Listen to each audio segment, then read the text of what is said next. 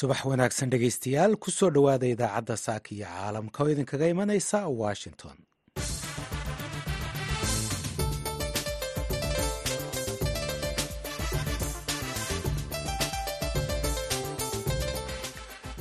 Waa subaxnimo jimcaha bisha janaayo waa shan sannadka labada kun iyo afariyo labaatanka. Idaacadda saaka iyo caalamka ee v o a waxaa idinla socodsiinaya anigoo ah haaruun macruuf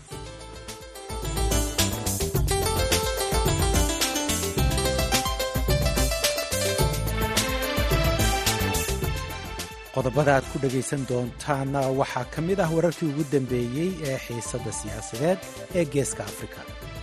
Saddex iyo lixdankii wixii charterkii o a u da ama midowgii africa uu soo saaray ee ahayd xuduudii isticmaalkiina waxba laga bedelay doodayadu annagu taasay ku fadhidaaba. Marka dana siyaasadeed soo galaan ee waliba danteeda ay wadato waxaa soo gala qodob qodobkaa ka weyn oo sharciga oo la yidhaahdo xaqa aayaka talinta ummadaha. Kaas baa lagu dhaqmaa waxaa kaloo dhegaysan doontaan barnaamijkii amuuraha islaamka oo ku saabsan maraykanka oo dhaliilay wasiiro ka tirsan xukuumadda israa'el hadalkan ka soo baxay wasaaradda arrimaha dibaddu waa hadal xilligiisii ku soo beegmay. Wuxuuna uu mataqaanaa wasaaradda arrimaha dibaddu ay ka hadlaysay inay wasiiradan shaqsi shaqsi ah ay ugu jawaabaysay qodobadaas iyo warar kale ayaan idiin haynaa. Marka horese wararkii caalamka ugu doorka roona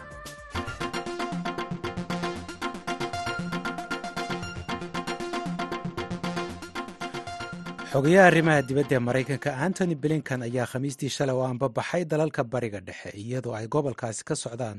dadaallo xoogan oo diblomaasiyadeed oo la doonayo in gargaar bani aadminimo lagu gaarsiiyo marinka khaza tallaabadan ayaa ku soo beegmaysa xilli ay israa'iil waajahayso cadaadis xoogan oo caalami ah oo ku saabsan khasaaraha soo gaaraya dadka rayidka ah dagaalka ay ka wadaan marinka khaza safarkan ayaa noqonaya kii afraad ee blinkan uu ku tego bariga dhexe tan iyo markii uu bilowday dagaalka ka socda khaza xilligaas oo ururka xamaas ay weerar ku qaadeen israel afhayeenka wasaaradda arrimaha dibadda ee maraykanka matthew miller ayaa khamiistii sheegay in xogaya blinkan uu booqan doono dalalka turkiga griiga urdun qatar imaaraadka carabta sacuudiga israa'il daanta galbeed iyo masar. Halkaasoo uu kula kulmi doono madaxda dalalkaasi. Bilinkan ayaa la filayaa inuu kala hadlo tallaabooyin deg deg ah oo kor loogu qaadayo gargaarka bani aadminimo ee la geenaya marinka khaza si loo kordhiyo gaadiidka loo ogol yahay inay cuntada biyaha iyo daawooyinka geeyaan marinkaasi. Sidoo kale wuxuu wasiirku ka shaqayn doonaa sidii loo sii dayn lahaa lahaystayaasha u dhashay maraykanka garsoorayaasha qareennada khubarada sharciga iyo kooxaha mucaaradka ee dalka kenya ayaa si weyn u cambaareeyey madaxweynaha dalkaasi william ruto kadib markii uu sheegay inuusan ixtiraami doonin amarada maxkamadaha ee uu arko inay dabrayaan siyaasadaha miisaanka leh ee maamulkiisa. Dadka dhaliilaya hadalkiisa ayaa ku baaqay cabasho waddanka oo dhan ah oo ka dhacda oo lagu taageerayo madax bannaanida garsoorka iyo in sharciga la ixtiraamo.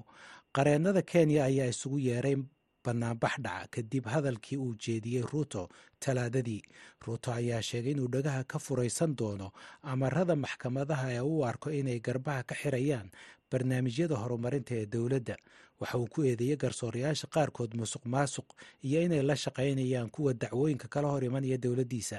Garsooraha sare ee dalkaasi martha come ayaa cambaaraysay hadallada madaxweynaha gaar ahaan kuwa kiisaskooda ay hor yaalaan maxkamadda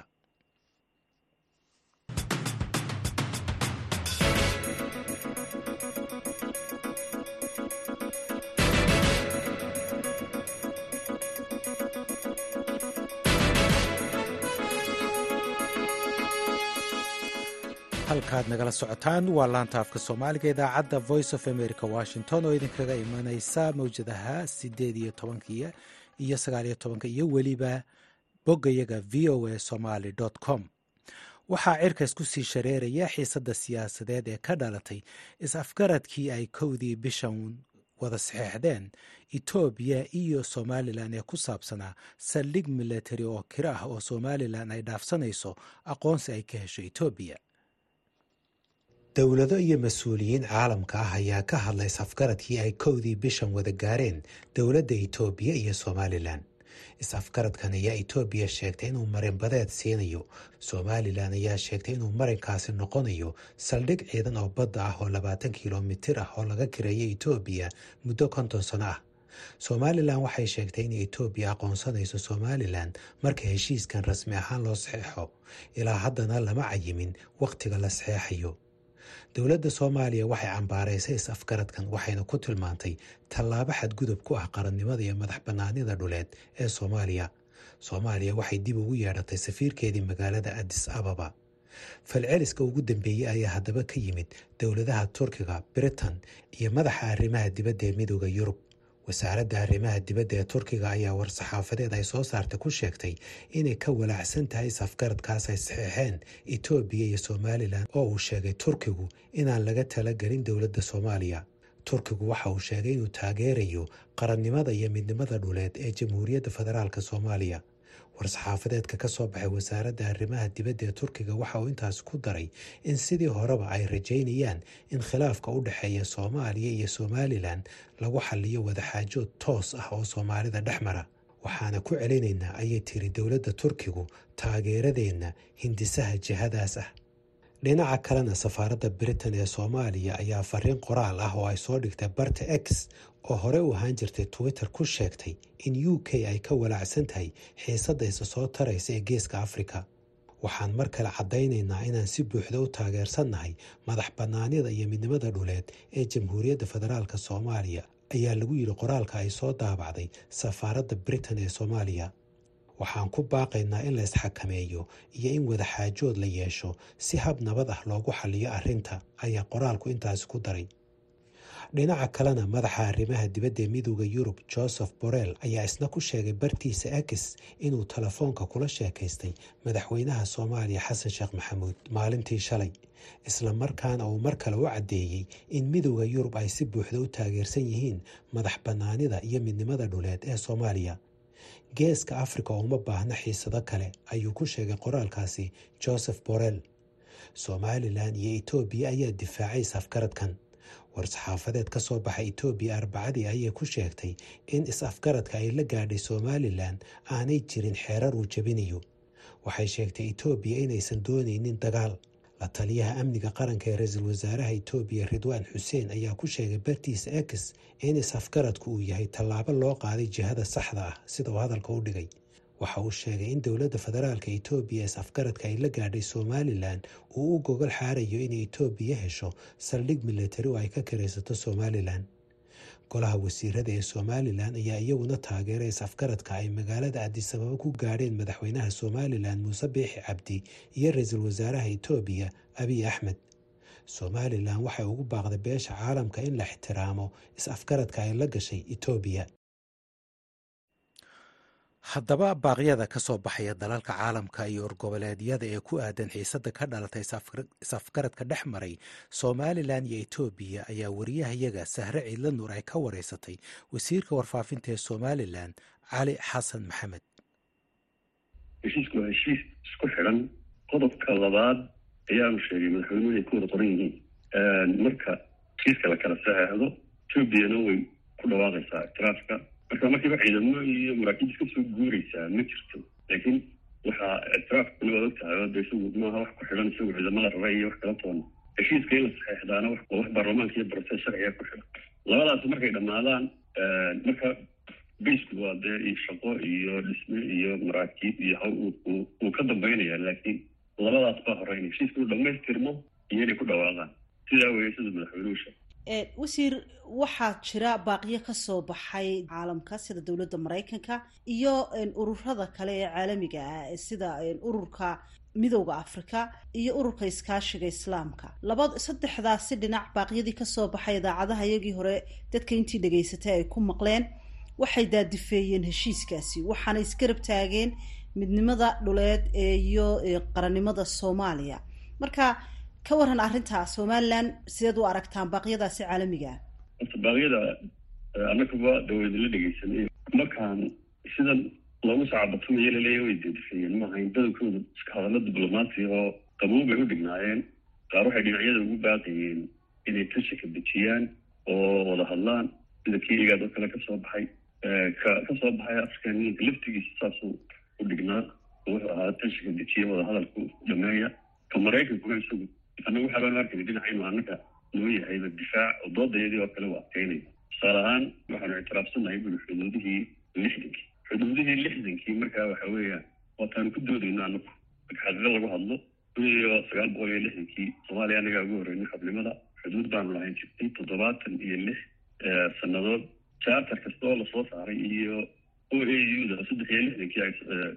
shirkii ugu horreeya ay qabsadeen go'aankii ugu horreeya soo saareen wuxuu ahaa in la aqoonsado oo lagu shaqeeyo laga gudbin xuduudihii lixdan somalilan waxay leedahay jamhuuriyadda somalilan xuduudihii lixdankii ee ingiriisku sameeyey kun iyo sideed boqol iyo siddeetan iyo afartii taa iyada tuugna maxadoo cid isku haysaana ma jirto xamarna ma dafiri karto caalam kalena ma dafiri karto waa xuduud la yaqaano haddii maraykanku uri xuduudihii baanu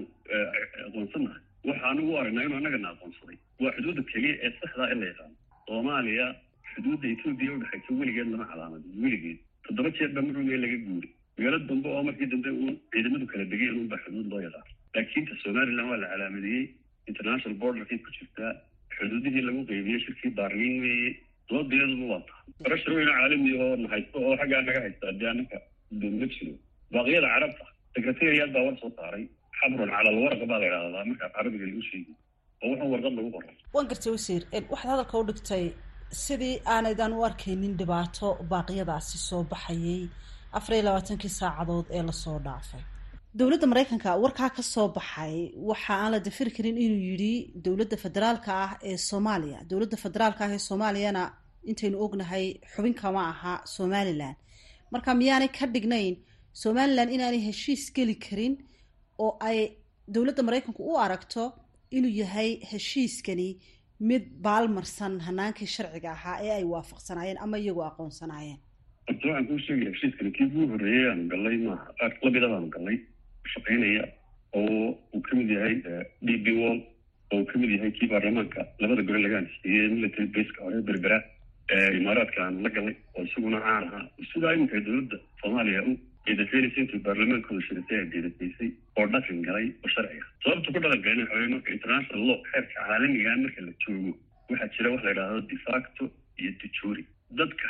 xaqiiqada ah ee wax geli kara unbaa wax lala galaa haddii dowladi geli karto heshiis. Sidaasay sharci ku tahay. Sofranka iyo madax banaanida ay sheeganayaan soomaaliya kama jirto. Shuruudaha markaad akrido madax banaani qaran ama siyaadada dal ama sovereignity-ga waxaa u shardiyana dalkaaga xukum inaan dowlad kale kula xukumin afartan dowladood baa la xukuma soomaaliya dhulkooda. Marka way jaban tahay inay yihiin siyaadadii dowladnimadii iyo intan ay ku doodayaan iyo sovereignty marka heshiisyada horena waanu gallay kuwana waanu gallay way soconayaan maraykankuna waa ogyahay sannadkii hore wafdidayadii maraykanka markay congresska maraykanka tegayeen wixii laga wada hadlayay heshiisyo bayana haysta sidaa aawadeed marka sharciyadda caalamigaa laysla tago ictiraafka laftiisuna wuu imanayaa oo de kii koowaad buu anaga nimanka helay kuwo kaloo badanna waan rajaynaynaa ictiraaf badana oo dowlado kaloo badana marka waxaan rajaynaynaa inaanu miiska international forumska isugu niman doono dowladda soomaaliya anagoo calankaiyagii calankoodii haysteen sidano walaalaa waxaanan odhan lahaa nin walaba hadalkaaga sumad ku dhigee colaada aas iminka aada ay u abaabilayaan inay yareeyaan baa fiican. Waayo siday ku dambayn doonto. Ilaahay baa og. Markaa godabka iska sii yareeya baan odhan lahaa nimankaa soomaaliya. Waan gartay wasiir laga soo bilaabo sannadkii labadii kun iyo labaiyo tobankii oo labaiyo toban sannadood haatan laga joogo somalilan iyo soomaaliya wadahadallaa u socday. Muddadaasi dheer laguma heshiin in laysku soo noqdo oo dowlad la wada noqdo. Sidoo kalena laguma heshiin in sidii dowladihii kale ee africa haddaynu tusaale u soo qaadano eritrea iyo south sudan oo kale labaduba laba dowladood oo waaweyn oo afrikaan ka go-een. Haddii markaas sidaa loo kala baxayana laguma heshiin. Haddii laysku noqonayana ilaa hadda laguma heshiinin. Arrimaha masiirigana inaan weli la taabanin baa muuqata. Somalilan oo aan aqoonsi caalamiya haysanina markastay heshiisya sidan oo kalea dowlado kale la gelayso buuq baa soo baxa siyaasadeed iyo mid bulshaba marka arrimaha si loo xaliyo isafgarad idinka iyo soomaaliya mas'uuliyiinteeda idin dhex maraa miyaanu dhici karin. Dooda iyadu anaga waa de saddex iyo lixdankii wixii charterkii o a u da ama midoogii africa uu soo saaray ee ahayd xuduudii isticmaalka inaan waxba laga bedelin dooda iyadu anagu taasay ku fadhidaaba. Marka dana siyaasadeed soo galaan cid waliba danteeda ay wadato waxaa soo gala qodob qodobkaa ka weyn oo sharciga oo la yidhaahdo xaqa aayaka talinta ummadaha. Kaas baa lagu dhaqmaa. Etoobiya laftigeedu eritrea xornimadeedii weysiisa way u ogolaa xuduud mustacmaradoo la yaqaalina maahayn halkii ay acknowledge garayn lahaayeen aqbali lahaayeen xaqiiqada waxay had iyo jeer ku bedelaan cunfi iyo dagaal iyo nagama go'i kartaan waanu idin xukumaynaa waana hoos dhimanaysaan heshiis ma geli kartaan cid lama macaamili kartaan gobol waqooyi galbeed baa tihiin hadallo aad iyo aad iyo aad u rashiid aan waxaan odhan lahaa markaa xal adigoon etoobiyana ku hinaasin maryahana qubin oo cadhoonin walaal adigubana ictiraaf oo sidaa suudaan yeeshay ee etoobiya yeeshay aan laba walaalaa noqono aan is aqoonsano waxaynu ku heshiinayna waxaynu isdhaafsanay dadkeena saynu isugu furayno iyo sidaynu soomaali u noqonayno iyo sidaynu inagoo saddex dawladood oo geeska afrikaa soomaaliya miiska u soo fadhiisanayno sidaa u feker filaasirkaa ilbaxnimadaa u feker ha u fekerin ma go'i kartid ma dhaqaaqi kartid. Ha dhaqdhaqaaqin ha u fekerin wasiirka warfaafinta ee somalilan cali xasan maxamed waxa uu u warramaya wariyahayaga sahra ciidla nuur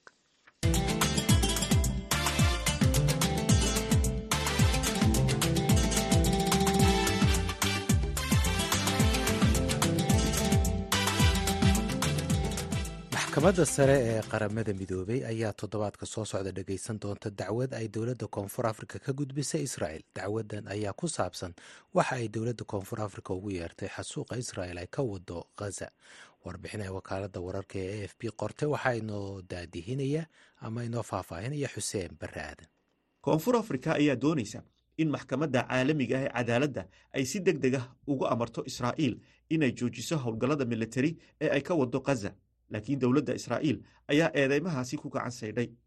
Maraykanka ayaa arbacadii ku dhaleeceeyey koonfur afrika inay keentay kiis xasuuq isagoo diiday eedeymaha loo jeedinayo israa'iil ee dagaalka khaza afhayeenka golaha amniga qaranka ee maraykanka john kerby ayaa sheegay in soo gudbintani ay tahay mid aan faa'iido lahayn oo aan sal iyo raad toona lahayn afhayeen u hadlay wasaaradda arrimaha dibadda ee maraykanka matthew miller ayaa si gaar ah u sheegay in marka la eego qiimaynta maraykanka aanay u muuqan wakhtigan falal xasuuq ah sida uu hadalka u dhigay. Bayaan ay maxkamaddu soo saartay ayay ku sheegtay in ay qaban doonto dhegaysiga dadweyne oo ka dhici doona qasriga nabadda ee magaalada haig iyada oo la dhegaysan doono dacwadda ay koonfur afrika soo gudbisay ee ka dhanka ah israa'iil waxaana loo qabtay dhegeysiga dacwadda muddada ah koob iyo tobanka bishan iyo labayo tobanka bishani january. Codsiga koonfur afrika oo loo gudbiyey jimcihii la soo dhaafay ayaa la xidhiidha. Xadgudubyada lagu eedeeyey israa'iil ee waajibaadka ka saaran axdiga qaran ee ilaalinta iyo kahortagga xasuuqa. Iyadoo koonfur afrika ay sheegtay in israa'iil ay ku howlan tahay inay sii wado falalka xasuuqa ah ee ka dhanka ah dadka falastiiniyiinta ah ee ku nool khaza israa'iil ayaa diiday eedeynta ra'iisul wasaaraha israa'iil benyamin netanyahu ayaa sheegay in israa'iil ay dagaalka khaza ku muujisay damiir wanaagsan oo aan la qiyaasi karin waxaana uu meesha ka saaray eedeymaha koonfur afrika. Koonfur afrika ayaa weydiisanaysa maxkamadda inay amarto in israa'iil ay si deg dega u joojiso howlgalladeeda militari ee khaza iyo in labada wadan ay qaadaan dhammaan tallaabooyinka macquulka ah ee awoodaan si ay uga hortagaan xasuuqa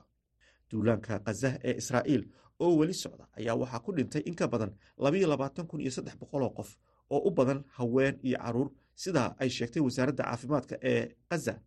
koonfur afrika ayaa doodeeda soo bandhigi doonta koob iyo tobanka bishani january halka israa'iilna lagu wado inay ka soo jawaabto labayo tobanka bishani january. Kiiska ayaa qaadan kara bilo ama xitaa sannado. Go'aanada maxkamaddu waa kuwo sharci ah laakiin maxkamaddu awood yar ayay u leedahay in ay fuliso mahadsanid xuseen barre aadan oo inala socodsiinaya warbixintaasi wakaaladda wararka ee e f p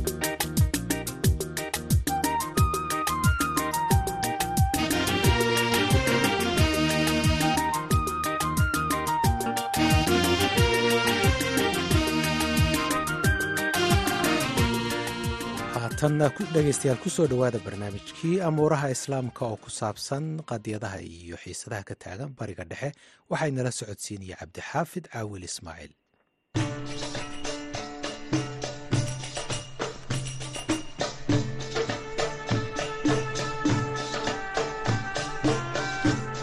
kulanti wanaagsan idilkiinba akhyaartana dhegaysanaysa ay meel kastoo aad caalamka ku sugan tihiin baakuna soo dhowaada barnaamijkeennii amuuraha islaamka wasaaradda arrimaha dibadda ee maraykanka ayaa salaasadii toddobaadkan si kulul u cambaaraysay hadallo ay dhowaan sheegeen wasiirada israa'iil ee basaleel smotrich iyo itamar bengifir oo ay ku sheegeen in falastiiniyiinta dib udejin loogu sameeyo meel ka baxsan qaasa iyaga oo ku tilmaamay inaanay hadaladani habbooneyn iyo mas'uuliyad daro washington. Hadalladan ay dabada ka riixayaan labadan wasiir ayaa kor u sii qaadaya walaaca ay dad badani ka qabaan arrinkan madaxweynaha masar cabdilfataax al sisi ayaa khudbad uu jeediyey sida lagu baahiyey v o a da arbacadii toddobaadkan ku sheegay in dagaalka hadda socdo uusan ujeedadiisu ahayn oo keliya in lagula dagaalamo xamaas oo ka talisan barinka kasa laakiin sidoo kale waa isku day ayuu yidhi lagu doonayo in lagu riixo dadka rayidka ah si ay ugu tahriibaan masar. Sida ay baahisay wakaalada wararka ee reuters wasiirka maaliyadda oo ka mid ah saraakiisha sarsare ee isbahaysiga garabka midig ee ra'iisul wasaaraha israa'iil benjamin netanyahu ayaa axaddii ugu baaqay dadka falastiiniyiinta ah inay ka baxaan deegaanka qase ee go-doonsan. Haddaba in wasaaradda arrimaha dibadda ee maraykanku hadalkaasi ku tilmaanto mas'uuliyad darro maxay ka dhigan tahay? Su'aashaasi ayaan weydiiyey maxamed caalin oo ah falanqeeyo degan magaalada helsinki ee dalka finland hadalkan ka soo baxay wasaaradda arrimaha dibaddu waa hadal xilligiisii ku soo beegmay.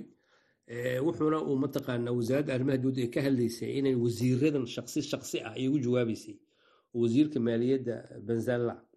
ama wasiirka amniga qaranka oo itaman ben. In labaduba ay qaldan yihiin in la yiraahdo dadka falastiin waxaa laga raraya gaza. Oo meel kale loo raraya. Ilaa iyo xilligii israa'iil aasay kun sagaal boqol afartan sagaalkii ilaa iyo afartan sideedii ilaa iyo hadda khilaafka falastiin wuu soo taagnaa iyo israa'iil. Marka dalalka carabtuna markasta waxay solidarity muujinayeen dalka shacabka falastiin. Marka maraykanku wuxuu doonayaa maraykanka israa'iil way ka midaysan yihiin iyo dalalka saaxiibadiisa carbeed in meesha laga saaro kooxda xamaas siyaasad ahaan waa laga midaysan yahay. Waxaa la doonaya shacabka in mar in mataqaana ururka fataax iyo dowladda xukuumadda israa'iil inay wada samaystaan dowlad falastiin loo helo qaab kasta loogu helaba. Marka maraykanku mar kasta muhiimad weyn buu arkaa in la isku wado in middle eastu ay ahaato goob nabadeed oo mataqaana sidii loo xaliyeyba khilaafkii ka dhexeeyey jordan iyo israa'iil sidii loo xaliyey khilaafkii ka dhexeeyey masar iyo israa'iil in falastiin iyo loo xaliyo israa'iil. Marka mar maraykanku wuxuu ku taagan yahay mashruuca abraha in mataqaana la hirgeliyo wasaaradda arrimaha dibadda ee maraykanka ayaa sidoo kale sheegtay in hadalladan kicinta ah ay marar badan oo isku xiga dowladda israa'iil oo ra'iisul wasaaruhu ku jira washington u xaqiijisay inaanay ahayn siyaasadooda. Washington waxay intaasi raacisay in hadallada noocan ah si deg deg ah looga waantoobo. Intee ayay haddaba leeg tahay suurtagalnimada inay israa'iil ku dhiirato in dadyaga qaso meelo kale dibudejin loogu sameeyo. Waa kan mar kale maxamed caalin hadalkan wasaaradda arrimaha dibadda ku jira leeya waa in laga waantoobaa hadallada noocan oo kale ah. Ma aha siyaasiyiintan ama benzelle ama itaman ben. Maaha wuxuu ka wadaa dhammaan middle eastiga siyaasiyiintooda ina antisemitism inaan la samayn ama nacayb yuhuudnimo la samayn ama nacayb islaamnimo la samayn ama hatred la samayn oo aanay soo gaarin levelka leadershipka oo aan lagu lagu dhawaaqin in jihaad la galo ama dadka laga sifeeyo dhulka falastiin falastiiniyiinta ay hadda ka degan yihiin intay xukunto xukuumadda israa'iil. Ama west bank ha noqoto ama gaasa ha noqoto. Marka taas baa keenaysa in maraykanku ka sii degaan in siyaasiyiinta middle eastigu aanay nacayb heerkaas aanay gaarin. Sarkaal sare oo ka tirsan dowladda israa'iil ayaa isaga oo ku sugan washington sheegay inaanay ujeedada israa'iil ahayn in ay dib u qabsadaan qasa ama ay muddo dheer maamulaan sida lagu baahiyey wakaaladda wararka ee royters kooxda xamaas ayaa toddobadii bishii oktoobar ee sanadkan dhammaaday weerar ku qaaday deegaano israa'iil ka tirsan iyo deegaano ay falastiiniyiinta ka haysato kuna dilay kun iyo laba boqol oo qof sida ay tel afiif sheegtay halka falastiiniyiintuna sheegeen in wixii ka dambeeyey weerarkaasi ay israa'iil duqeyme ku dishay dad gaadhaya laba iyo labaatan kun oo falastiiniyiin ah. Intaasi ayaynu dhegaystayaal ku soo gabagabaynaa barnaamijkeeni amuuraha islaamka. Aniga oo cabdixaafid cawil ismaaciil ayaa soo diyaariyay oo idinla socodsiinayey tan iyo inta aynu mar kale kulmayno haddii ilaahay raalli ka noqdo sidaas iyo jimca wanaagsan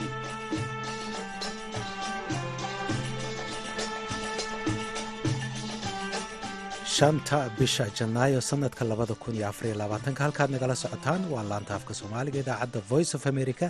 Aniga iyo ismaaciil xuseen farjar ayaa haatan idin soo xulnay. Heestan allah u naxariiste xasan diiriye afrax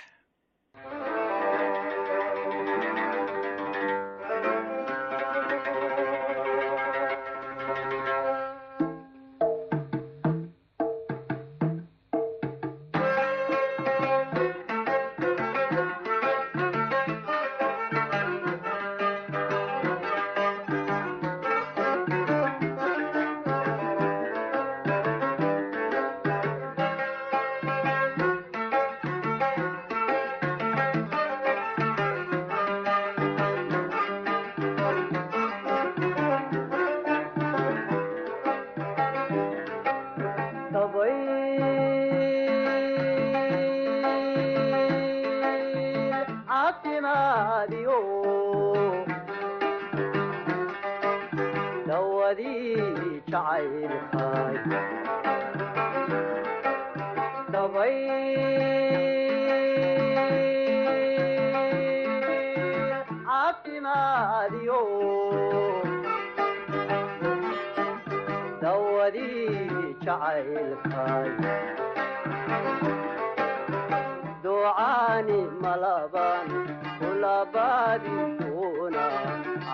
cadna dacarqa adhaadhiyo daybaaqisiise ducaani malaban kulabaadi doona cadna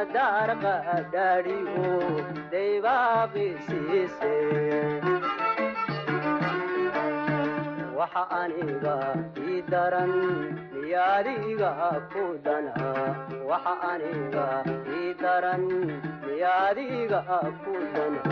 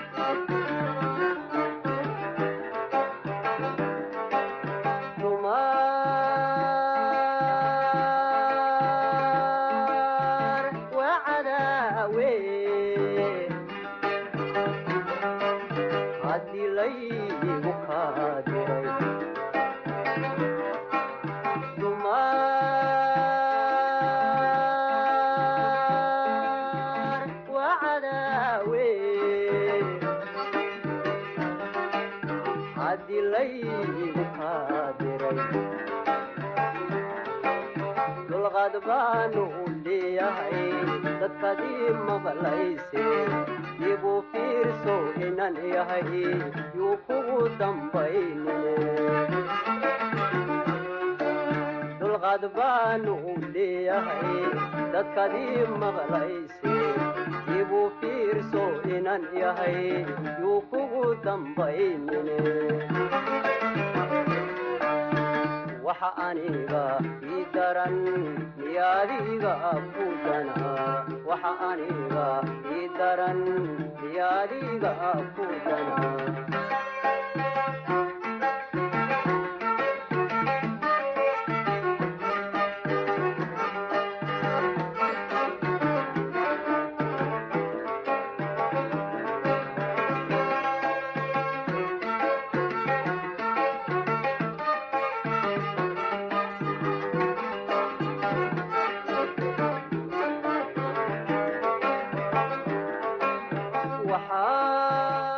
heestaasi allaha u naxariistay xasan diiriya faarax. Ayaan ku soo gebagabaynaynaa idaacaddii subaxnimo. Waa anigoo haaruun macruufa iyo ismaaciil xuseen farjar oo idin leh. Intaaynu ku kulmi doonno galabta idaacadda duhurnimo nabadgelyo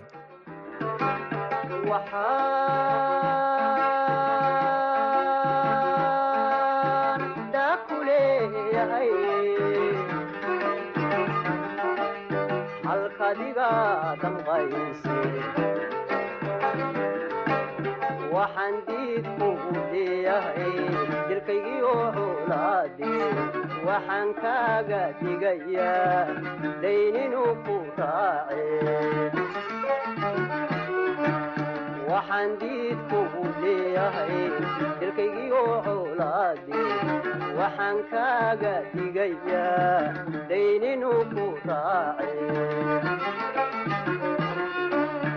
waxa aniga ii daran miyaadiga ku dana